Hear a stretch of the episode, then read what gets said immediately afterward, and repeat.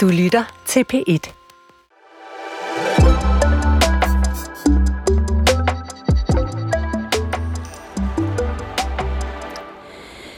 Fremtiden på P1 har nu været nysgerrig på fremtiden 42 gange med 42 helt forskellige vinkler og emner på vores tid, dens teknologier, opfindelser og nye idéer, og hvor de måske alle sammen bærer os hen. Så i dag siger jeg velkommen til Fremtiden på P1 for sidste gang i den her ombæring, og det sker under overskriften Fremtidens Danmark. Jeg hedder Mette Valsted Vestergaard, og jeg er som altid nysgerrig på, hvad chatbotten ChatGPT kan få ud af det, når vi beder den om at skrive et scenarium, som jo altså i dag beskriver fremtidens Danmark om 100 år. Året er 2123, og Danmark har udviklet sig til et banebrydende samfund, der kombinerer teknologisk innovation, bæredygtighed og social retfærdighed på en unik måde. Landet har formet sin fremtid gennem dristige politiske beslutninger og en bevidst indsats for at opbygge et samfund, der er i harmoni med både mennesker og planeten. Danmark er ikke kun et økonomisk og teknologisk kraftcenter, men også et sted, hvor mennesker lever i harmoni med hinanden og naturen. Den danske model er blevet et verdensomspændende symbol på, hvordan politiske beslutninger og bevidste valg kan skabe en lysere fremtid for kommende generationer. Jeg kan forsikre om, at vi ikke har bedt ChatGPT om at skrive, øh, hvad skal jeg kalde det, trivial litteratur. Rosa Lund, hvad betyder dristiske, øh, dristige politiske beslutninger? Jamen, jeg tænker, at det betyder, at man har taget nogle modige valg. Altså, man har taget nogle beslutninger, som er, er modige, mm. øh, og som også er sådan lidt uden for boksen. Altså, som at man har taget nogle beslutninger, som ikke måske lige nødvendigvis ligger i de ting, vi går og tænker i dag, men mm. nogle beslutninger, som er lidt uden for boksen. Øh, det kunne jo for eksempel ja, det skal vi jo tale om senere, men som jeg tænker, det kunne det jo for eksempel være, at man kiggede, altså at vi har taget nogle beslutninger, som gør, at dansk landbrug ser helt anderledes ud, at, at det, det danske arbejdsmarked ser helt anderledes ud. Mm. Der er nemlig nogle af de emner, vi skal komme ind på i dag, fordi vi synes, det er nogle af de, de der store øh, linjer, der tegner det danske samfund. Jan e. Jørgensen, hvad er egentlig det mest dristige, du har været med til at vedtage som politiker? det ved jeg sgu ikke. Og det gør du da forhåbentlig. Hvad det mest dristige er? Nej, bare en af, øh, en af tingene så. Ja, det ved jeg ikke. Har jeg, Altså, jeg tror, altså, det kan godt være, at det lyder sådan lidt, øh, når man nu er politiker, men, men jeg har jo ikke den store øh, tro på, at det som sådan er os politikere, der styrer udviklingen. Jeg mener jo et eller andet sted altid, at vi kommer haltende bagud, bagefter, og det er i meget vidt omfang af den teknologiske udvikling, der, der afgør, hvor samfundet mm. øh, bevæger sig hen, og så skal vi så prøve at regulere, og så kan vi øh, gøre nogle ting, som kan skubbe udviklingen i en eller anden bestemt retning, men det er jo mm. ikke os som sådan, der der driver udviklingen. Det skal det heller ikke være. Mm. Altså, øh, så mange mennesker er der ikke med i politik, hvis vi skulle sidde og bestemme det hele. Det ville jo være forfærdeligt. Altså, langt de fleste beslutninger, de bliver jo truffet ude på arbejdspladserne og hjemme i, øh, hjemme i små hjem øh, og så videre. Ikke? Altså, på den måde er samfundet jo en kæmpe stor, øh, kompleks øh, myretue, øh, og så går vi rundt med vores pind og pirker lidt til den en gang imellem. Sætter nogle rammer op. Og det er faktisk øh, det tredje emne, altså øh, kongeriget Danmark, eller hele det øh, demokrati, det styre, vi, vi nu bor i, som, øh, som vi kommer ind på i dag. Og som I kan høre, så har vi øh, inviteret to politikere i studiet til at tale om fremtidens Danmark i dag. Det er de nemlig gode til, sådan nogen. Øh, ikke fordi det her skal være en øh, politisk debat i klassisk forstand i hvert fald, øh, men fordi øh, det jo er, er jer, som øh, er nogle af de der 179, der vedtager øh, landets love, og, og på den måde er med til at sætte rammer op for, hvordan øh, fremtidens Danmark udvikler sig. Og så synes vi jo også, det er en lidt spændende øvelse, om vi sådan kan, kan løsrive jer lidt fra, fra den der øh, ja, den diskussion, vi, vi kender så godt, øh, og så tale lidt mere frit og øh, måske idérigt om, hvordan en lidt fjernere fremtid ser ud. Fordi den her, den er jo ikke kun, øh, det her program handler ikke kun om fremtiden, om, om hverken to år eller fire år. Og det er altså øh, folketingsmedlemmer Jan E. Jørgensen og Rosa Lund, som, øh, som sidder her. Lad os lige få jer præsenteret øh, sådan rigtigt. Øh, Rosa Lund, øh, selvfølgelig medlem af Folketinget, og Kant Sok, som øh, dækker over, at du både har læst statskundskab og jura. Det er rigtigt. Og så bliver man øh, Kant Sok mm, i Så bliver man dobbelt djøffer. Ja, lige præcis. dobbelt djøffer, ja. Øhm, og selvfølgelig øh, MF for, øh, for enhedslisten, og blandt andet demokratiordfører. Mm. Øhm, Rosa, man går, går ind i politik, går jeg ud fra for at ændre fremtiden til det bedre. Hvad vil du allerhelst have af, af vores efterkommere om 100 år kan pege på at sige, det gjorde vores forgængere dengang? Øh, jamen altså, nogle af tingene er jo sket. Øh, jeg er jo meget, meget stolt af samtykkeloven, mm-hmm. øh, for eksempel.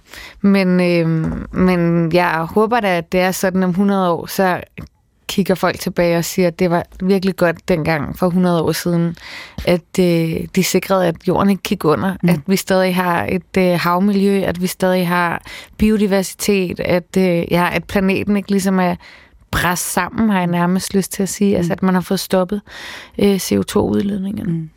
Kan, kan, kan du godt uh, tale om sådan noget sådan fremtiden og Danmark og sådan noget, uden at det netop bliver sådan det der lidt sædvanlige politiske uh, smådrilleri og, uh, og nogle gange Ja, det, det tænker jeg da sagtens, jeg kan. Mm, mm, øhm, det tænker jeg sagtens, jeg kan. Jeg tænker, at det, der er det gode ved, at I har inviteret to ideologer i studiet, det er, at vi, øh, vi kan godt lide at snakke om politik på den måde, ja. hvor det ikke handler om, at vi bare lige flytter 500 millioner fra det ene sted til det andet sted, men at det er nogle lidt større tanker. Præcis. Et uh, helt random spørgsmål. Tror du, uh, vores nationalsang om 100 år hedder Der er et yndigt land? Ja, det tror jeg. Hvorfor? Det tror jeg. Jamen fordi, at jeg, selvom at jeg er, er socialist og jo egentlig tror meget på forandringer, så, så kan jeg rigtig godt lide traditioner. Og jeg tror jo noget af det, der binder os sammen i, øh, i Danmark, det er nogle af de fælles traditioner, vi har, og der er nationalsangen jo en af dem. Mm. Vi skal også putte ordentligt velkommen til dig, Janne Jørgensen, øh, folketingsmedlem, også for Venstre, øh, blandt andet kulturordfører, og også med en øh, baggrund i, i jura, øh, faktisk som helt klassisk kan jo, og, øh, og har jo også praktiseret som advokat, så vidt jeg husker. Øh, hvis nu du havde et veto over fremtidens Danmark, altså der var én ting, du ligesom kunne sige, den der, den, øh, den, den sætter jeg lige min, min hånd på. Hvad skulle det så være? Altså noget, vi skulle beholde? Noget, vi skulle beholde, eller noget, der skulle forandres på en Noget, der skulle måde? forandres? Jamen, øh, jamen, der er jeg sådan set meget enig med, øh, med Rosa, at det må være, det må være klimakrisen, der er det vigtige at få løst, fordi hvis ikke den bliver løst, så øh, der vil selvfølgelig stadigvæk være Danmark, øh, og der vil stadigvæk være en jordklode, det er slet ikke det, men den vil jo se helt, helt anderledes ud. Det er ikke sikkert, at vi er den på den. Vil være, den vil være mindre, og øh, mm. der vil være mindre, mindre kyst øh, i Danmark, ikke? og øh, det er ikke sådan, man skal op på himmelbjerget for at overleve. Men altså, det, det, det, vil være, det vil være rigtig slemt, så det skulle vi meget gerne få løst. Mm. Så det er ikke så meget, hvordan, eller hvor vi skal hen, men mere, hvordan vi skal komme derhen, som, øh, som I to måske kan, kan diskutere lidt. Ja, yeah. mm. og så må, må jeg ikke bare lige sige, altså øh, den der start, du læste op med, med ChatGPT, altså jeg er sådan, altså jeg er fuldstændig vild med science fiction film. Mm. Elsker science fiction film. Og det, der er det interessante ved dem, det er, at de er stort set alle sammen dystopier. Altså det er, øh, der er kommet en atomkrig, menneskerne kæmper mod hinanden for mm. at øh, overleve, øh, det er meget mørkt og dystert og øh, forurenet osv. Altså de, de, de alle sammen, øh, stort set uden undtagelse, peger på en fremtid, der er mørk og dyster. Mm. Men når man så ser på, hvordan udviklingen rent faktisk er gået, så bliver tingene bedre og bedre. Altså, mm. der er færre, der øh, sulter, der er færre krige. Øh, vi er så mange mennesker som aldrig før, og tidligere er det blevet spået, at så mange mennesker kunne planeten slet ikke rumme. Det kan den sådan set godt. Mm. Så på den måde er jeg øh, optimistisk, øh, men øh, de her sådan, fremtidsscenarier, de kan jo så øh, være sådan en advarsel om, hvad vi i hvert fald ikke skal bevæge os øh, i retning af, og det er vi måske ikke altid gode nok til at tage bestik Vi prøver jo at lade være at være dystopiske i det her program, men, men, men jeg må jo alligevel en gang imellem hæve anbrynet lidt af de der meget lyserøde fremskrivninger, fordi de på en eller anden måde også bliver lidt tomme for indhold. Ikke? Øh, det, det er meget godt, hvis man tør sætte lidt konkreter på. Så, så og det kan jo gå fuldstændig galt. Ja, ja, det kan det. det, kan det. Hvad fik dig ind i politik? Var det en mærkesag af en art, eller et bestemt formål? Eller? Nej, det var ikke, det var ikke en mærkesag, og det var bestemt heller ikke øh, sådan, fordi øh, det, jeg mente, var moderne. Altså, jeg blev, jeg blev venstremand og VU'er der i midten af 80'erne, og, og det var der ikke ret mange, der var. Altså, dengang, der var man enten, så var man SF'er, eller også så var man, øh, så var man KU'er, og, øh, og jeg var så øh, VU'er, og var det i København. Det var ret usædvanligt, så, så det, der Altså det, der drev mig, det var ikke så meget enkeltsager, det var ideologien, vil jeg sige. Altså den, øh, den personlige frihed, men uden at det sådan gakkede ud, som mm. det lidt gjorde hos øh, KU'erne. Mm.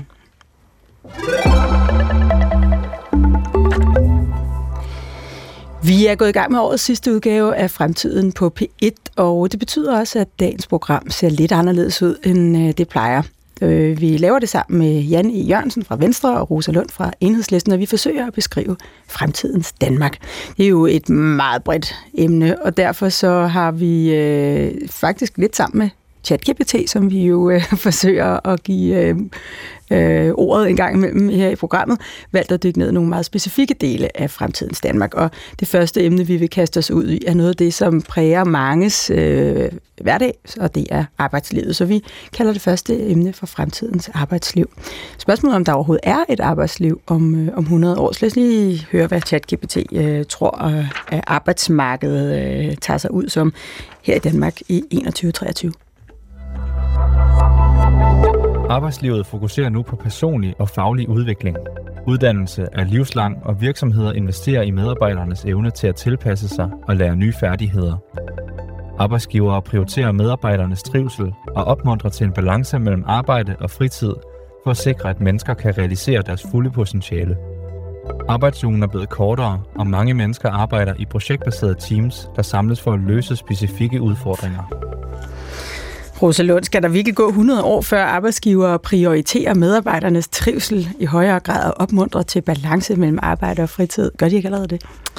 Altså, jeg håber ikke, der skal gå 100 år, men jeg synes jo, at... Mm, Ja, det, det er jo en meget aktuel debat, mm. også som vi træder lige ind i her, mm. at sådan er det jo ikke nu. Mm. Altså lige nu har vi jo et arbejdsmarked, hvor vi kan se, at, øh, at der er rigtig mange mennesker, som går ned med stress, som bliver syge af at gå på arbejde, samtidig med, at vi har nogle andre mennesker, som rigtig gerne vil ind på arbejdsmarkedet, men som ikke kan arbejde mm. fuld tid mm. af den ene eller den anden årsag, mm. fordi de har en kronisk sygdom mm. eller en, en anden lidelse, der gør, at man ikke kan arbejde fuld tid, men som jo rigtig gerne vil bidrage. Mm. Så vi har jo det her paradoks med, at arbejdsmarkedet, altså der er nogen, der arbejder så meget, at de bliver syge af det, og derfor knækker, og så uden for arbejdsmarkedet står der nogen, der banker på døren og bare gerne vil ind, men som kun kan arbejde 10 timer om ugen eller 15 timer om ugen.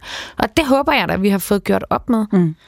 Tror du, det bliver nødvendigt? Altså, kunne man forestille sig, at diverse teknologier gør, at øh, vi slet ikke har brug for så mange mennesker, der øh, er på arbejdsmarkedet? Altså, jeg tror i hvert fald, at øh, teknologier kan hjælpe os rigtig mange steder hen, men der er jo også mange jobs, som ikke kan erstattes øh, af robotter. Sådan er det også.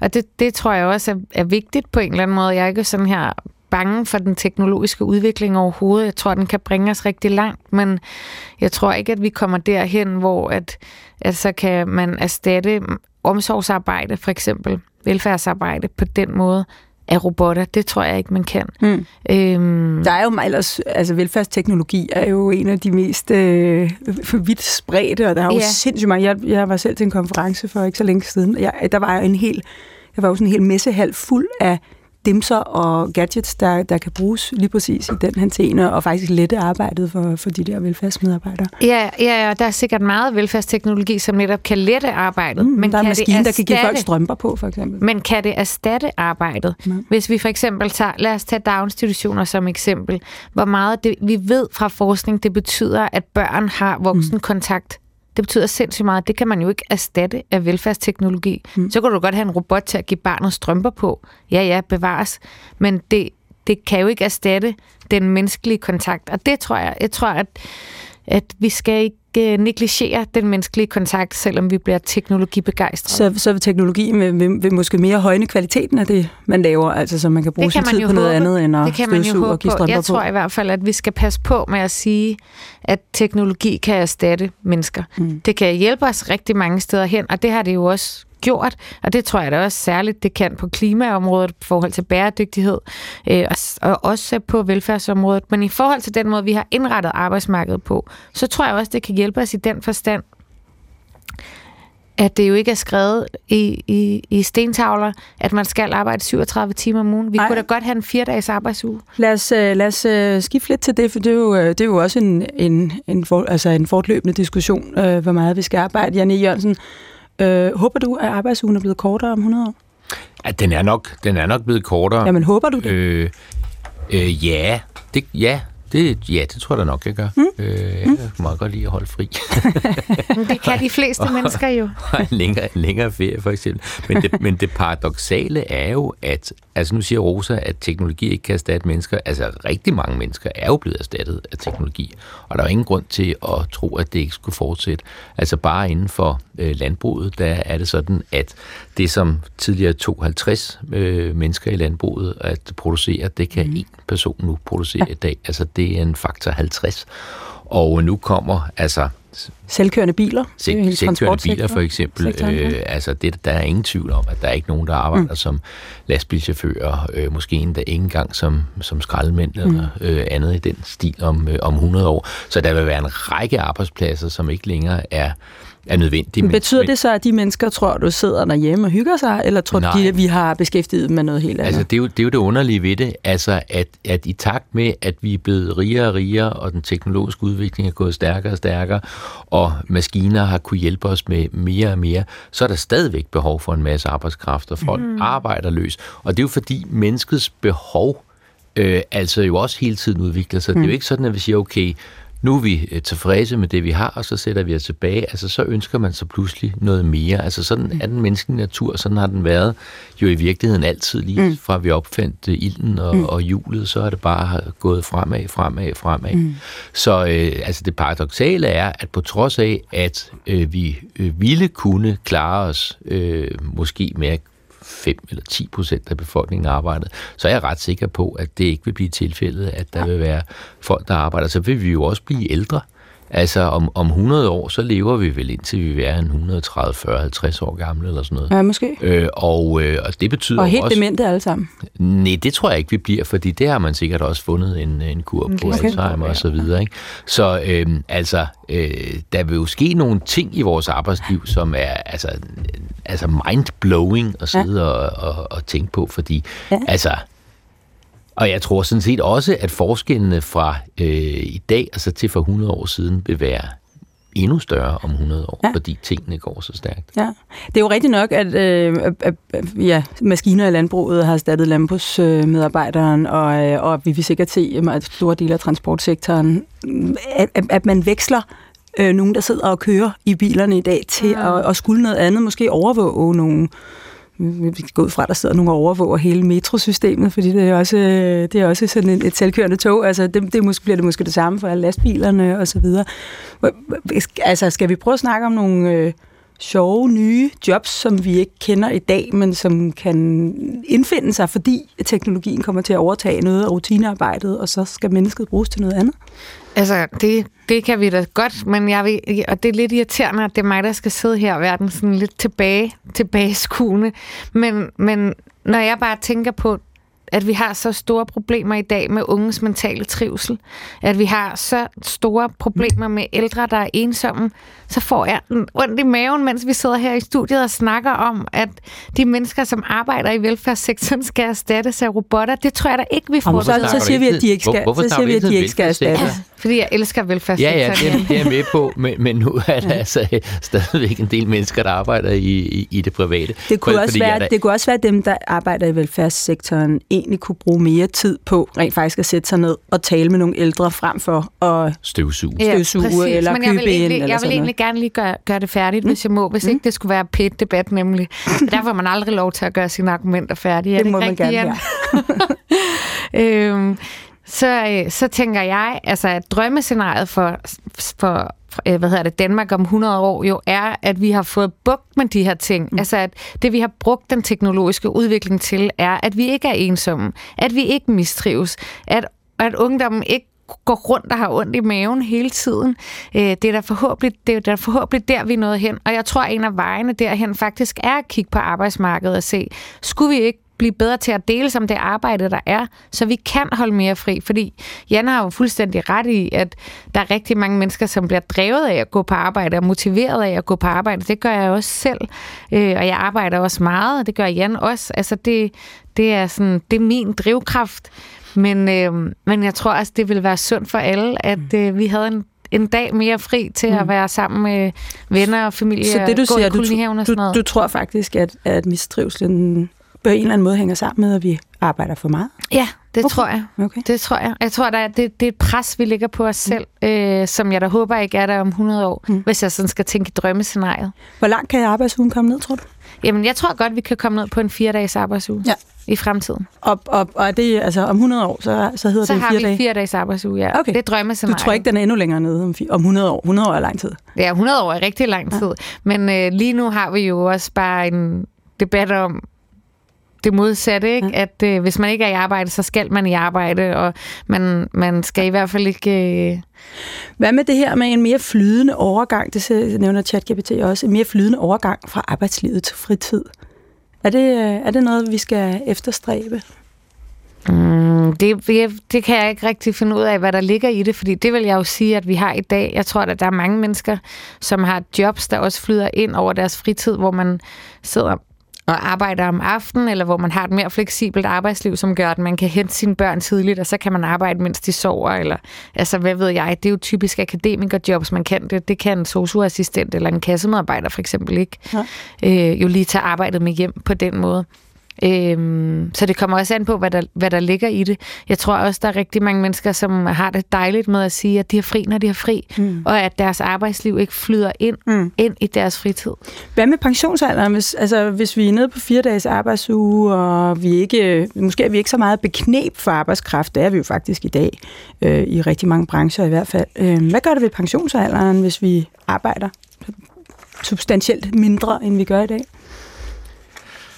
Jamen altså, øh, hvis vi skal uddanne os i længere tid, og vi stadigvæk skal have den pensionsalder, vi har nu, men vi lever til vi bliver, lad os bare sige 150, så skal der godt nok tjenes nogle penge Det det. i de år, man er, man er tilbage. Så, ja. så alt andet lige vil jeg da tro, at pensionsalderen steg, og den da måske også steg, øh, steg ret meget. Ja. Men, men arbejdslivet vil, vil blive øh, vil blive noget andet. Mm. Og jeg tror ikke, altså det er måske ikke det, du siger, Rosa, men, men, men jeg tror ikke, at øh, folk mistrives og bliver ensomme, øh, fordi de arbejder for meget. Jeg tror måske snarere, at der er rigtig mange, som øh, ikke synes, der er en mening med det, de laver, så, så samler, altså savner en, en, en mening med tilværelsen. Og det er jo blandt andet altså, det, som arbejde kan give, at man mm. gør noget for andre mennesker, at man møder nogle øh, kollegaer i nogle andre sammenhænge, altså at, at man kommer ud. Altså jeg synes, at en af, altså en af de ting, som har udviklet sig rigtig, rigtig meget bare de seneste 10 år, det er jo det her altså skærmforbrug, ikke? Altså flere og flere sidder og glor ned i en skærm. Og om, om 100 år, så behøver du ikke engang skærmen. Altså mm-hmm. så er det formentlig altså, øh, en eller anden chip, du har puttet ind i. Hologrammer så, eller et eller andet, ja. Præcis, og så kan du pludselig tale, mm. øh, tale spansk, og mm. så kan du pludselig øh, sidde på en eller anden trobeø, bare ved at trykke på Men det er vel ikke, knap det er vel ikke skærmen i sig selv, der giver øh, mistrivsel. Det er vel alt det indhold, som øh, Nej, bliver... det er, jo, det er jo ikke så meget skærmen. den. det, det, er mere, det er mere det, at skærmen holder dig væk fra det menneskelige samvær. Præcis. Altså det at være, at være sammen med andre. Ikke? Øh, og og, og det, der, der synes jeg, at det er meget interessant, at der bare inden for det seneste år eller to, Ja. ja. ligesom har været sådan en modtrend, altså hvor flere de, mm. de logger af og mm. øh, lægger telefonen fra sig. Og, og, Og det videre. tror jeg, der kommer mere af, faktisk. Jeg tror i hvert fald, vi bliver mere bevidst om, Ja. ja. at der er nogle, Spændende. øh, nogle farer Ja. ja. øh, ved, øh, ved det her med ligesom at, at, at, at være i den her alternative det er spændende. virkelighed. Ikke? Ja. Det var faktisk mere det, jeg mente, ja. Ja. altså i forhold til det der med mistrivselen. Det er, at jeg tror, at vi skal passe på med at erstatte netop den menneskelige kontakt med robotter. det, der jamen, var det, min det, pointe. det er vi helt enige om. Ja, Men det, der det, var men det der med, med arbejds, arbejdsmarkedet, altså jeg kommer til at tænke på sådan en som altså Farver Nye Verden, altså Aldous øh, Huxleys øh, roman, hvor, hvor arbejdsmarkedet jo sådan var meget delt op sådan i klasser. Altså der var øh, øh, alfa og beta og epsilon og så videre. Ikke? Ja. Og der var nogen, de, de, de knoklede øh, i minerne og arbejdede og så videre. Så var der andre, der var sådan en, en, en elite, der... Hmm. Baseret øh, meget på industrialderen, ja, ja. Ja, præcis. Ikke? Ja. Og, og, og det er jo meget skægt, fordi altså, han havde så alligevel ikke fantasi til at forestille sig, hvor meget den teknologiske udvikling Nej. kunne, fordi altså, de der kæmpe store sådan slaveherrer øh, er, vil der ikke være brug for om 100 år, fordi det kan maskinerne klare. Det er jo lige præcis det, der er den store udfordring, som vi forsøger at løse i det her program hver eneste uge.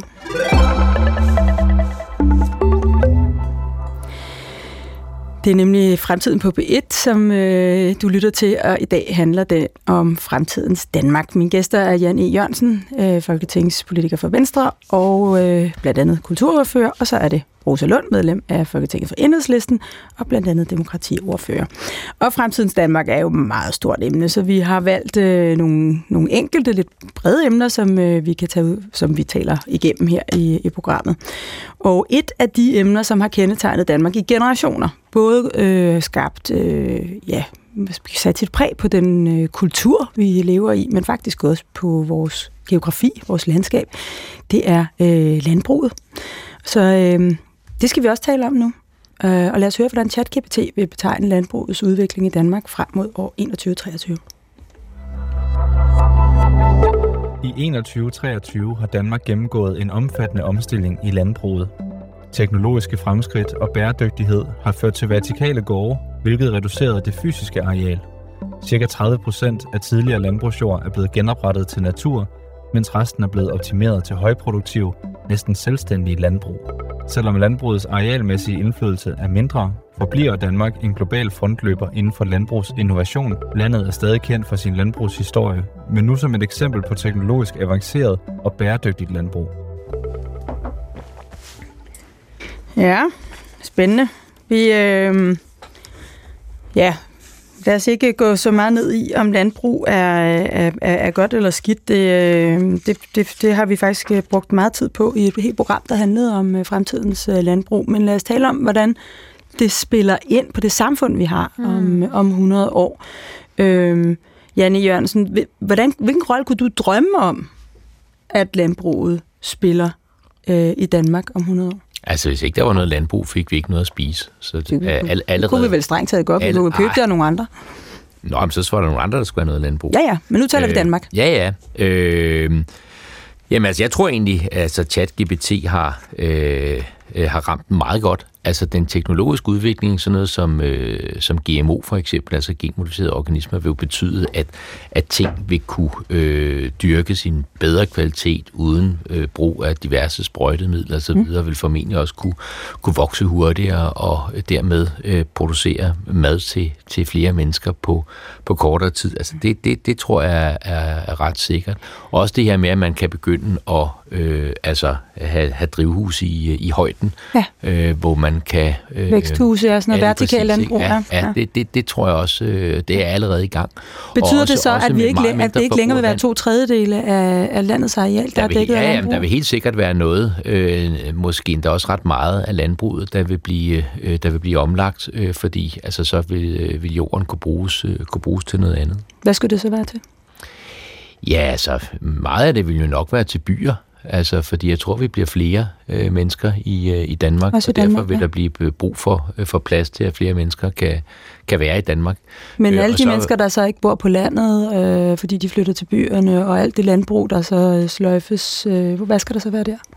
Jamen, der, vil, øh, altså, der tror jeg, at der vil blive øh, øh, altså mere, mere natur, ikke? Altså, vild natur? Også, øh, jeg ved ikke, om det bliver vild natur, men, men fordi der vil også være behov for øh, plads til sådan mere altså, rekreative formål, ikke? Altså, mm. folk kan gå en tur i skoven.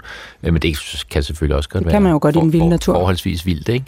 Øh, med en lille sti imellem. Så øh, mm. øh, det, det, det, det, tror jeg, altså, der tror jeg egentlig, den rammer, øh, den rammer meget godt. Rosalund, øh, hvor stor en del af det danske areal tror du er, er under plov om 100 år?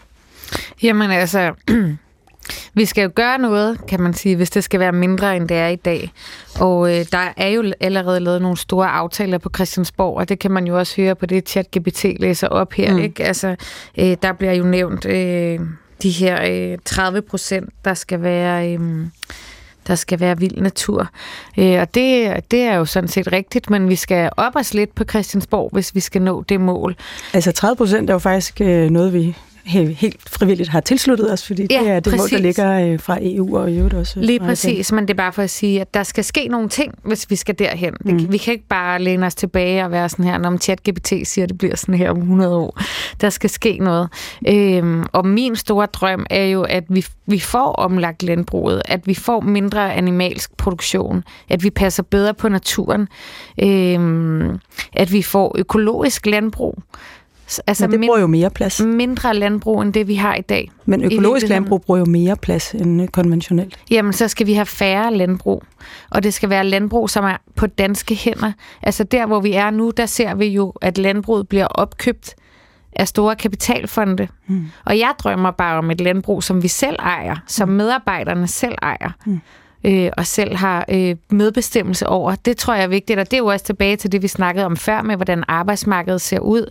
Og hvis vi skal arbejde mindre, så tror jeg jo modsat Jan, eller håber jeg jo modsat Jan, at pensionsalderen ikke stiger, men falder. Men sådan, men sådan som det, det landbrug, vi har i dag, er jo skabt af noget, som vi selv ejer. Det er jo en rimelig ny tendens, at de bliver opkøbt af udenlandske kapitalfonde, men du er jo ikke så tilfreds med, hvordan det ser ud i Nej, dag. nej, så, så hvad var det, der skulle ændre sig? Ved, Og det, det er jo også derfor, vi taler om, altså ligesom, hvordan ser det ud om 100 år? Og nu kan vi jo bare netop se, at den udvikling, vi ser lige nu, er, at landbrug bliver opkøbt af kapitalfonde. Den udvikling håber jeg, vi har bremset, sådan så om 100 år, så har vi økologisk landbrug, som passer bedre på vores natur, som passer bedre på især vores havmiljø. Altså, øh, nu er jeg, nu øh, er jeg selv en, der godt kan lide at at bruge, øh, bruge vandet. Øhm, og jeg synes, at det er så uhyggeligt at tænke på, at om 100 år, så er der ikke noget havmiljø i Danmark. Hvad skal vi så leve af? Ikke? Hvorfor har vi ikke, altså, har vi mulighed for at bruge naturen om 100 år? Mm. Det synes jeg, vi skal, men det kræver, at vi laver nogle ting ret grundlæggende om. Er det, er, det, er det sådan nogle løsninger, som øh, Janne Jørgensen taler om her, som for eksempel øh, sådan nogle store vertikale øh, væksthuse, vi, vi er ude i? Øh, og nu, nu taler du også om, om at sløjfe noget af den animalske produktion, så det Ja, du siger er, at vi ja. skal ikke spise så meget kød, og Ja. dermed skal vi heller ikke dyrke så mange planter, som, som dyrene skal spise. Det er præcis det, jeg ja. siger. Ja. Det er i hvert fald min drøm, mm. at jeg håber da, at Danmark ser sådan ud om 100 år. Det, I hvert fald kan man sige, Så små hvis ikke- bondegårde, hvor der, hvor der bliver dyrket Præcis. mad til mennesker. I hvert fald kan man sige, at hvis ikke vi gør noget, så har vi ikke nogen natur, nogen Mm. biodiversitet, noget havmiljø om 100 år. Og det vil jeg rigtig gerne have, vi har. Mm. Så der er jo også stor forskel på, om vi taler om et drømmesamfund, eller om vi taler om de her dystopier, som, som Jan har set i, øh, i sci-fi-film. Ikke? Janne Jørgensen, jeg tror, tror- du, vi vil kalde Danmark for et landbrugsland om 100 år? Ja, det tror jeg. Og jeg tror slet ikke, der er noget, der hedder økologi om 100 år. Fordi der tror jeg, alt er økologisk. Mm. Altså, der, der, der tror jeg, at vi gennem den teknologiske udvikling, mm. altså øh, genmodificering for eksempel, øh, altså, der bruger man slet ikke øh, sprøjtegifte, fordi der har vi formået at forædle. øh, Spiser vi køer om 100 år? Øh, ja, det tror jeg, men, men ikke lige så mange. Og så tror jeg, det bliver nogle, nogle køer, som øh, ikke udleder særlig meget øh, metan, fordi det tror jeg også, vi har fået Fordi vi giver dem noget andet foder og har nogle bedre stalle Ja, og sådan men ikke noget. nødvendigvis bare det, men også måske, at altså, altså dyrene er blevet genmodificeret, ja. sådan så øh, de har udviklet sig øh, meget. Mm. Og så tror jeg også, der vil være, altså, øh, om jeg så må sige, kunstig øh, kødproduktion. Altså allerede i dag kan man jo få mm. ting, som, som smager af kød, hvor, hvor det kan være svært at, at Man kan, forskel. man kan faktisk få noget andet. Man kan få noget, som er kød, men aldrig har været igennem en ko. Ja, ja, præcis. Jeg, ja, ja, øh, det er jeg, ret jeg, jeg sagde det de første mange øh, programmer i vores indledning, at man kan få en ribeye, der aldrig nogensinde har siddet på en ko, og det er ikke løgn. Det kan man faktisk Ja. få.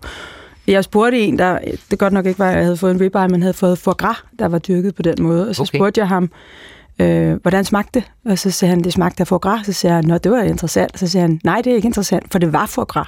Mm. Altså, man kan simpelthen molekylært fremstille det i en, øh, ja, jeg er gået fra, foregår i en petriskål, eller sådan noget i den stil, med noget gelé og nogle stamceller, ikke? Det er, Men ret, det er jeg- ret fantastisk.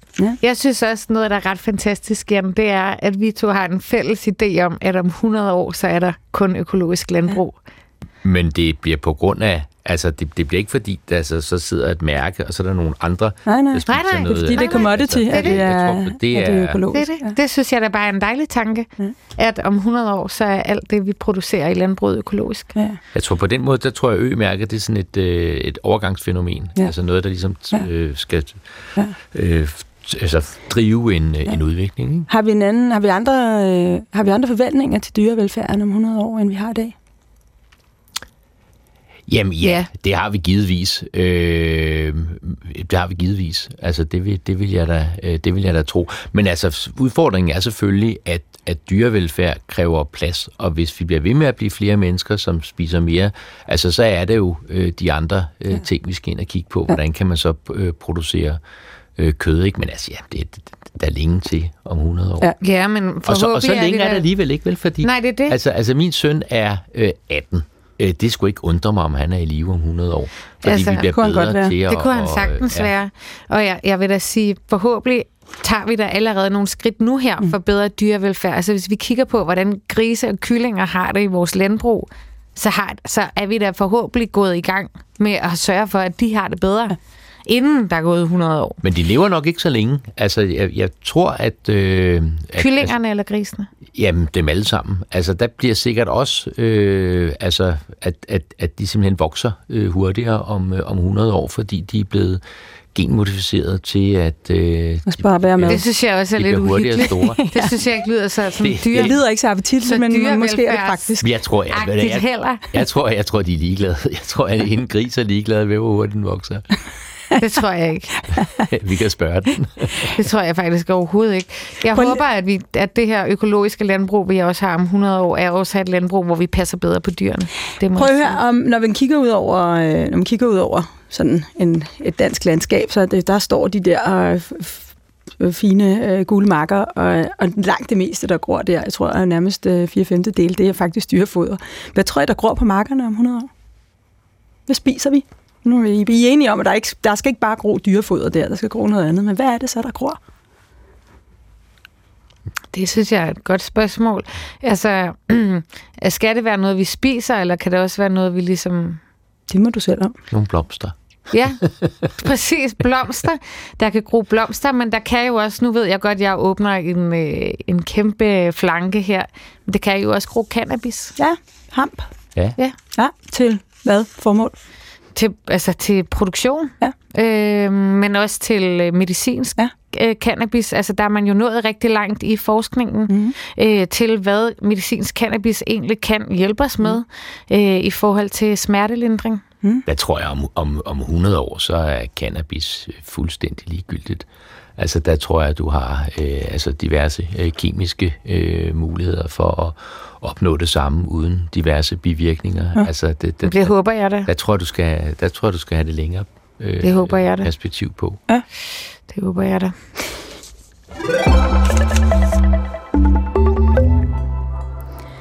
Så øh, lukker vi øh, landbrugskapitlet i, øh, i Fremtiden på P1 om fremtidens Danmark, øh, hvor mine gæster i dag er Jan E. Jørgensen øh, fra Venstre og Rosa Lund fra Enhedslisten. Nu skal vi nemlig i gang med øh, anden del af Fremtidens Danmark, den vi kalder Fremtidens Kongeriget Danmark. Den kunne også hedde Fremtidens øh, Danske Demografi og Demokrati. Øh, lad os lige høre, hvad ChatGPT har at sige om det. I 2123 præges Danmark af en mangfoldig og harmonisk befolkningssammensætning. Gennem medicinske fremskridt og social inklusion er den gennemsnitlige levetid steget betydeligt, og landet nyder godt af en balanceret aldersfordeling.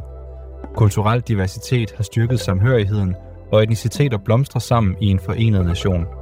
Rigsfællesskabet har udviklet sig til en model for globalt samarbejde. Færøerne og Grønland har bevaret deres kulturelle identitet, mens samarbejde med Danmark styrkes inden for bæredygtig udvikling og teknologisk innovation. Autonomi og ligeværdig repræsentation er centrale i det opdaterede rigsfællesskab, der sikrer velstand og samarbejde mellem de tre regioner. Danmark ser optimistisk på fremtiden som en forenet nation, hvor forskelligheder fejres og rigsfællesskabet tjener som et eksempel på global harmoni. Ja, nu fik jeg sagt, vores andet emne, det er jo faktisk det tredje, for, øh, hvis vi nu skal tælle ordentligt efter. Øhm, vores folketing øh, består jo altså, som I jo ved så godt, 179 øh, mandater. De fire af dem er jo lidt interessante, når vi taler om, om fremtiden, øh, fordi der er to færøske og to grønlandske. Øh, Rosa Lund, er Færøerne og Grønland stadig en del af rigsfællesskabet om 100 år? Altså, øhm, nu skal jeg ved godt, at jeg hele tiden sidder og taler om det klima, men altså, hvis ikke vi gør noget, så er der ikke noget Grønland om 100 år. Det, det er jo også bare en, en realitet. Så Grønland vil i hvert fald se meget, meget anderledes ud, hvis ikke vi øh, får bremset øh, øh, CO2-udledningerne. Men, men hvis, vi, hvis vi alligevel tager den del ud af det, jeg synes bare, det, det er vigtigt at sige, at det er så afgørende, at vi får gjort noget ved klimaforandringerne. Øhm, så håber jeg da, at Grønland har en selvstændighed, og også færøerne, færøerne, Mm. øh, mere end de har i dag. Mm. Øh, I hvert fald, at der er en kulturel accept af, øh, eller en kulturel ligestilling mm. i rigsfællesskabet. Og det vil for mig ikke gøre noget, hvis Grønland og Færøerne blev selvstændige. Mm. Det synes jeg da, at de skal være. Er de parat til det om 100 år? Det tænker jeg da 100 procent. Er de parat til det nu? Jeg tror faktisk, at de er parat til det nu. Tror du? Ja, det Ja. tror jeg. Ja. Det tror jeg. Janne Jørgensen, øh, vi kan alle sammen huske den der øh, lidt vilde historie, dengang øh, øh, USA's tidligere præsident Donald Trump bare lige ville købe Grønland af Danmark, øh, som jo lød som sådan noget fra en James Bond-film eller sådan noget. Altså en af, en af dem fra 80'erne, hvor det hele var lidt til høre. Men det var det ikke. Det var, det var helt regulært. Og, øh, og den øh, danske statsminister, som også på det tidspunkt hed Mette Frederiksen, fik også givet et, et næsten lidt forvirret svar, fordi det var så underlig en, en øh, melding. Øh, det er jo en et emne for konstant øh, diskussion i Grønland, om, om man skal lige rive sig helt løs, øh, eller hvad der skal ske. Tror du, noget har ændret sig i forholdet mellem Danmark og Grønland om 100 år? Altså, for 100 år siden, der var vi midt mellem 1. verdenskrig og 2. verdenskrig. Og hvis vi tænker 100 år frem, så er spørgsmålet, om der har været en 3. verdenskrig. Mm. Altså, det er jo, øh, altså, det kan jo virkelig være øh, definerende. Og du tror, det arktiske miljø deroppe kunne være genstand for sådan en krig, måske? Øh, ja, altså, øh, Grønland ligger jo, hvor Grønland ligger, og det gør det jo også om 100 år. Øh, og hvis der stadigvæk er øh, to store, øh, eller tre store i virkeligheden, det er jo både Rusland, Kina og USA, øh, som øh, ikke på en eller anden måde har fundet sammen i fred og fordragelighed. Det kan vi jo håbe, de har. Men hvis ikke de har, så vil Grønland jo stadigvæk have en utrolig vigtig strategisk betydning. Og det gør jo også, at hvis ikke Danmark er der, øh, så vil der være nogle andre. Altså, øh, Grønland vil ikke, om jeg så må sige, bare øh, være sig selv. Altså, øh, Øh, og selv hvis der kommer flere mennesker på Grønland, så vil der jo ikke komme så mange, at de vil kunne have et, øh, et forsvar, som er stærkt nok til at, øh, øh, at, øh, altså for, forsvare Grønland. Så hvis ikke vi er der, så er der nogle andre. Og så er det mere om det så bliver amerikanerne eller, eller kineserne. Der tror jeg, at vi både for Grønlands skyld og for vores egen skyld skal håbe, at det stadigvæk er, er os, der er der, og mm. at øh, Grønland dermed stadigvæk på en eller anden måde er en del af, øh, af rigsfællesskabet. Ja, for det lyder nemlig som om, at du ikke kan se for dig, at der er den helt store grund til at, øh, at sikre sig, at de ikke længere øh, er en, en del af rigsfællesskabet, og dermed ikke sidder med i det danske Der, er jo- der, er folketing. jo, der er jo masser af ting, som de selv ville øh, kunne, og som de jo allerede i dag for den sags skyld ville kunne, øh, mm. ville kunne varetage. Der er en, altså den her selvstyrelov, der er jo en række områder, som de kan overtage i morgen, hvis de, øh, hvis de vil. Øh, men, men det har de så hidtil ikke villet eller, mm. eller, eller kunnet. Ikke? Fordi det er klart, det er, altså, det er svært at drive et land, som er så kæmpestort, mm. øh, og som ikke er forbundet med, med veje, altså hvis man kan sejle eller flyve øh, mm. rundt omkring, og de har jo bygget helt ned til en, en 5-10 øh, indbyggere. Det, vil, det vil, tror jeg så også givetvis vil, vil se anderledes ud om, øh, om 100 år. Der De vil- tror jeg, de- der vil komme en centralisering. De vil Grønland. rigtig gerne øh, udvinde flere råstoffer øh, oppe i Grønland, og både øh, kinesere, ja man skulle tro, det var borgen, men det er faktisk virkeligheden, både kinesere og kanadier også der er parat til at, øh, at, at drive sådan nogle, sådan nogle selskaber. Øh, hvad tænker du om, om sådan en udvikling, Rosalund? Jamen altså, det er jo øh, i sagens natur bekymret for, ligesom at jeg også er bekymret for den her situation, som Jan beskriver, fordi ja. jeg kan også godt huske, at Donald Trump var ude at sige, nu vil han købe Grønland, og den situation skal vi jo ikke hen i. Altså, hvis jeg skal sætte mit drømmescenarie for Grønland og Færøerne, eller for det arktiske om 100 år, så har vi en helt anden forsvarsalliance end den, vi har i dag. Nemlig en forsvarsalliance, som øhm, har fokus på demokrati og menneskerettigheder. Det er jo sådan min drøm om en forsvarsalliance. Og Altså, du forsvars- siger, at NATO ikke har, øh, har, har fokus på demokrati og menneskerettigheder? Nej, det siger jeg ikke. Jeg siger, hvad jeg for en alliance, jeg drømmer om. Mm. Det er sådan set bare det, jeg siger. Jeg nævnte ikke noget om NATO. Øhm, men det var bare for at tale ind i det, som Jan siger her med Grønlands øh, placering, og hvorfor Grønland jo Øhm, hvad kan man sige, hvis vi får bremset klimaforandringerne, lad os antage, at Grønland så stadig er, som Grønland er i dag. Ja. Øh, hvad for en fors, altså, at så vil Grønland jo stadig være interessant for både Kina og USA, og der tror jeg bare, det er vigtigt, at vi opbygger en nordisk forsvarsalliance øhm, sammen med Grønland og Færøerne og de andre lande i Norden, som ser ja, anderledes ud end NATO, som har nogle andre øh, fokus. Det var ikke for at starte en helt stor øh, NATO-diskussion, det var bare for at sige, at nu sidder vi jo også og taler om, hvordan det ser ud om 100 mm. år, og så siger jeg bare, hvad jeg håber. Mm. Og jeg, der tænker jeg da, eller håber jeg da, at, øh, at vi er nået derhen, hvor at forsvarspolitik ikke handler om at slå andre mennesker ihjel. Mm. Lad, os, lad os tale lidt om, hvordan, hvordan øh, Syd-Danmark, hvis jeg skal kalde det sådan, altså øh, den øh, del af det danske rigsfællesskab, som hedder Danmark og ikke mm. hedder Grønland og Færøerne, øh, ser ud om, øh, om 100 år. Øh, hvordan, hvordan ser du demografien til den tid? Øh, altså, jeg... øh, Meget gamle bor alle sammen i byerne, eller hvordan? Ja, det tror jeg. En hel, en, sådan nogle oldingebyer. Tre, Jamen, tre oldingebyer. Nej, jeg tror, at vi lever længere. Øhm, og, øh, og jeg tror, at der kommer til at være mange forskellige måder at bo på. Altså, at vi ikke nødvendigvis bor, som vi kender det i dag, øh, i hver vores familie, i hver vores hus eller lejlighed, men at der er mere sådan samme eksistens. Det håber jeg da i hvert fald. Jeg håber da ikke, vi kommer hen et sted, hvor vi bliver mere eneboere. Mm. Sådan, sådan nogle sådan bofællesskaber i, ja. i en ny konstellation eller sådan noget. Ja, præcis. Ja. Lige præcis. Og så er jeg jo... Øh, så tænker jeg jo også meget over, ja, hvordan vores demokrati øh, ser ud, og jeg synes jo, det er smukt det her, som ChatGPT læser op med, at det er et mere mangfoldigt øh, Danmark, og der er samhørighed, og der er alt muligt. Altså lige nu står vi jo i en situation, hvor 10 procent af den voksne befolkning i Danmark ikke kan deltage i vores demokrati, fordi de ikke har statsborgerskab. Og den udvikling, den håber jeg, at vi har fået vendt om 100 år, at der er det sådan, at den, alle dem, der bor i Danmark, også kan deltage i vores demokrati. Mm. Det er i hvert fald min drøm. Hvordan, øh, hvordan ser den danske demografi ud om 100 år, Janne Jørgensen? Altså med sådan ja. alder, etnicitet, ja. hvor bor vi henne og ja. så videre? Ja, det er godt nok et spændende spørgsmål, ikke? Fordi, øh, altså, jeg var ude at rejse øh, det meste af jorden rundt i slutningen af 80'erne, og dengang, der var, øh, der var landene jo øh, mere øh, forskellige end de er i dag. Altså hvis man tager til en stor by i dag, så minder de jo mere om hinanden, end de gjorde øh, dengang. Og spørgsmålet er, om den udvikling vil, vil fortsætte. Det ved den jo nok.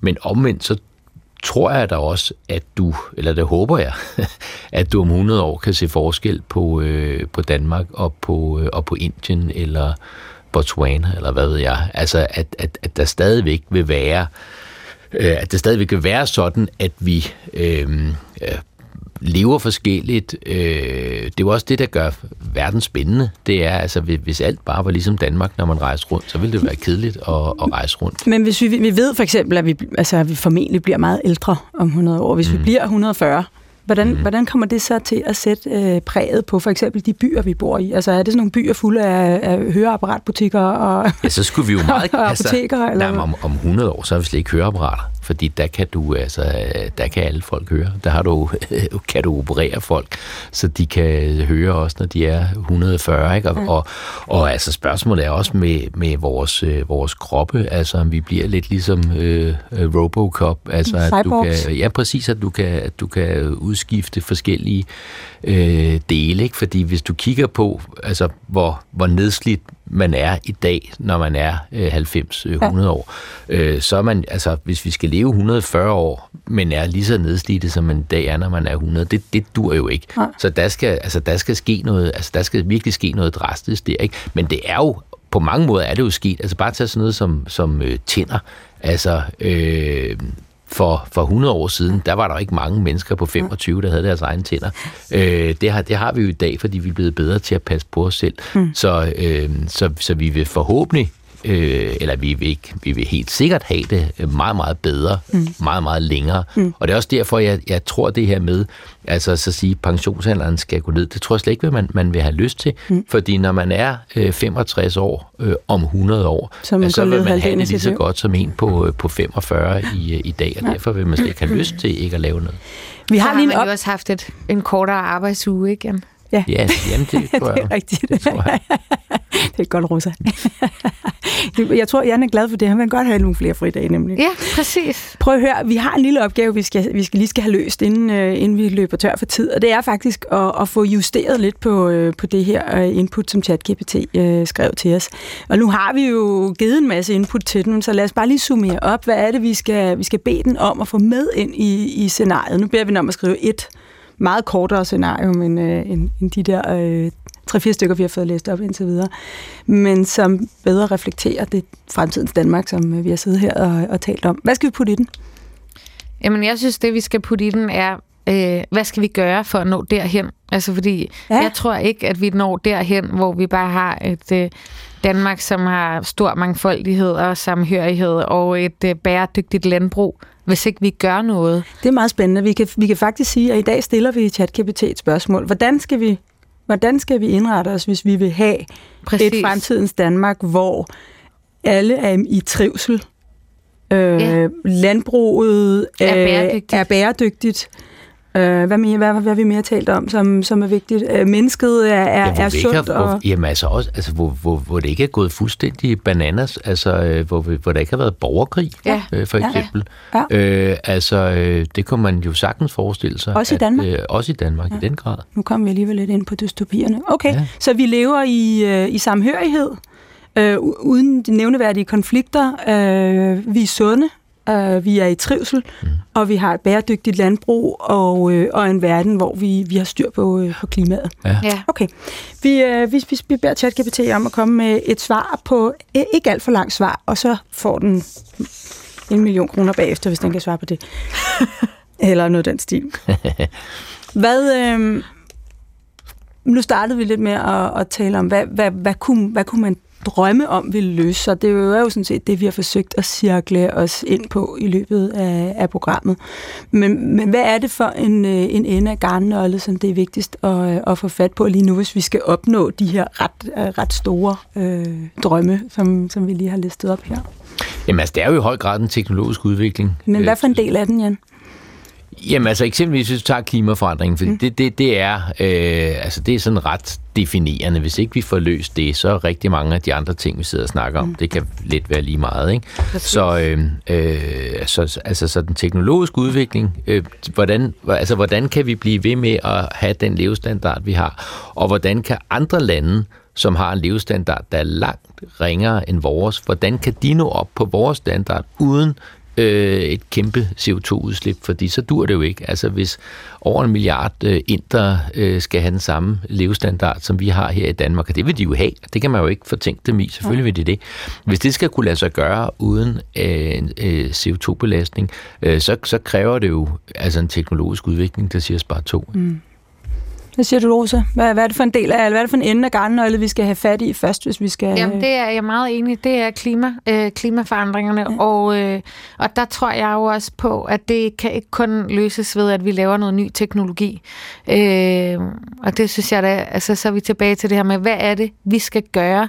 Altså, landbruget er jo for eksempel et af de erhverv, som udleder allermest. Og der tror jeg bare, at der er vi jo nødt til at tage nogle beslutninger for at omlægge landbruget. Mm. For eksempel. Nu har, øh, nu har ChatGPT skrevet øh, et svar, og vi har faktisk bedt den om at beskrive, hvordan vi når derhen. Nu har jeg lige skimmet, hvad den skriver. Jeg synes faktisk ikke, den, øh, jeg, synes, jeg, synes, jeg synes ikke, den får en million kroner eller noget som helst for det her svar. Men, øh, men nu, men nu, nu øh, Det er måske ja. også lidt voldsomt. Ja, det, det, det, det er lidt stort at bede den om det, men altså, Så den mange er, penge den er jo kun, den er jo kun en lille dum kunstig intelligens. Lad os høre, hvad den siger. I 2123 har Danmark transformeret sig til et bæredygtigt paradis. Landbruget er omstillet til vertikale gårde og klimavenlige metoder. Energien er fuldstændig grøn og lokalt drevet af sol, vind og bølger. Et fællesskabssind præger samfundet med fokus på deling og støtte. Konflikter er overvundet gennem dialog og empati, styrket af en uddannelseskultur, der fremmer forståelse og tolerance. Sundhed og trivsel er hjørnestenene. Grønne byer med naturintegrerede områder giver plads til bevægelse og frisk luft. Mental sundhed er prioriteret gennem mindfulness og fællesskabsaktiviteter. Klimaet er reguleret gennem teknologiske fremskridt og globalt samarbejde. En symbiose af teknologi og natur har skabt et harmonisk bæredygtigt Danmark, hvor menneske og planet trives i balance. Ja, det er flot. Det, er meget, det lyder næsten lidt kedeligt, så jeg Faktisk gør tænker det. En lille smule gør det, ja. Ja. Det gør det jo selvfølgelig, fordi den ikke siger noget som helst. Ja, Den, præcis. den svarer slet ikke på noget af det Nej, den svarer jo slet Nej, ikke ikke på, på, hvordan, hvad vi gør hvordan vi for når derhen, derhen. vel? Nej, men den er optimistisk, det kan jeg Altså, meget godt lide, øh, ja. så nu kan man Jan jo bare gå tilbage på arbejde og være sådan her, Nå, ChatGPT kunne ikke fortælle os, hvordan vi kom Så vi kan heller og ikke. skabte det her øh, samfund. Så skal vi selv tænke jo igen. Men, Men- Men det kan vi heldigvis godt. Men hvad er det for nogle svære spørgsmål, den faktisk ikke kommer ind på her? Altså, som det heller ikke den kan give svaret på. Jamen, det er jo, hvad der skal, hvad der skal til for, mm. at vi kommer derhen, hvor vi har det samfund. Mm. Øhm, og der, der tror jeg jo på, at, at øh, vi jo skal øh, bremse øh, de ting, som gør, at vi ikke har noget øh, havmiljø, at øh, der er PFAS i nærmest alt ting omkring os, som jo er usundt for vores kroppe. Øh, øh, Ja, og, og den måde, vi er mennesker på. Mm. Men der er slet ikke nogen, der ved, hvad PFAS er om 100 år. Altså, øh, nej, nej, altså, men hvordan jeg tror, kommer vi derhen? Ja, ja men, men jeg tror jo, altså nu, nu ChatGPT vil også have udviklet sig ret meget om, om 100 år. Noget, vi slet ikke Allerede har næste om. år, vil jeg tro. Allerede næste år. Noget, vi slet ikke har snakket om, det er sådan den politiske udvikling. Hvordan bliver politik? Altså, jeg tror, de, de regnemodeller, vi har i dag i Finansministeriet, altså, der vil man jo grine sin røv i laser om 100 år, det når, når man ser på, hvad det var, de kunne forudse. Fordi jeg tror, at, at, at øh, de vil blive bedre og bedre til at sige, hvis I gør øh, det, hvis I træffer den her beslutning, så vil det få de og de og de og de, og de Ja, og dynamisk, ikke? Altså, det er jo noget, man kan, det er jo spørgsmål, man vil ja. kunne stille hver dag, i stedet ja, for, at, at Adam, eller hvad de hedder, de der ja. modeller, skal regne går vi den i, i 100 vej, år. Går vi, den, øh, går vi den forkerte vej, ikke? Ja. Og er der så overhovedet brug for politikere? Jamen, er der det? Ja, det tror jeg, fordi der vil jo stadig, eller det håber jeg, fordi der vil jo stadigvæk være nogle, nogle beslutninger, der skal træffes, øh, hvor, hvor maskinen ikke, om jeg så må sige, kan give svar, og, øh, og hvor maskinen siger, at vi kan, hvis vi gør det, så kommer vi derhen, og hvis vi gør det, så kommer vi et andet sted hen. Så er det jo også der skal sige, hvor det er, er det, det så, vi helst vil hen. Og der kan det blive interessant, ikke? Så I bliver sådan nogle øh, kurat- demokratikuratorer, eller sådan noget om 100 år, Rosalund? Altså, det er vi jo også nu. Oh. synes jeg. Vi, i hvert fald få, vi vil få et bedre beslutningsgrundlag, øhm, det er der ingen Men jeg håber da, at, øh, at, ja, at vi vil få et bedre beslutningsgrundlag, og så, øh, så tror jeg da også, at det, eller jeg håber da, at det kommer til at være nødvendigt at have politikere stadigvæk. Har man så overhovedet fordi, partier, hvis det bliver sådan? Fordi at, man, at, at, at vi jo stadig har brug for øh, at have nogle fora, hvor, og det tror jeg også er noget af det, der gør et demokrati levende, mm. at vi bliver ved med at tale med hinanden og diskutere mm. med hinanden, og nu er vi igen tilbage til, at det er mig, der sidder her, uh, pas på robotterne, mm. men jeg tror faktisk på, at den menneskelige kontakt er vigtig, også om 100 år. Selvfølgelig er den det. Det var en, øh, en, en fin og human, eller humanistisk afrunding på, øh, på fremtiden på P1 i dag. Øh, tak fordi I var med, begge to. Øh, Rosa Lund, medlem af Folketinget for Enhedslisten, Jan E. Jørgensen, øh, medlem af Folketinget for Venstre. Du har lyttet til øh, Fremtiden på P1, som sagt, i dag om Fremtidens Danmark, og programmet var tilrettelagt af Nikolaj Dupont, Asta Åholm og Johanne Frederikke Mortensen. Det var produceret af Beam Audio Agency. Jeg hedder Mette Valsted Vestergaard. På genhør.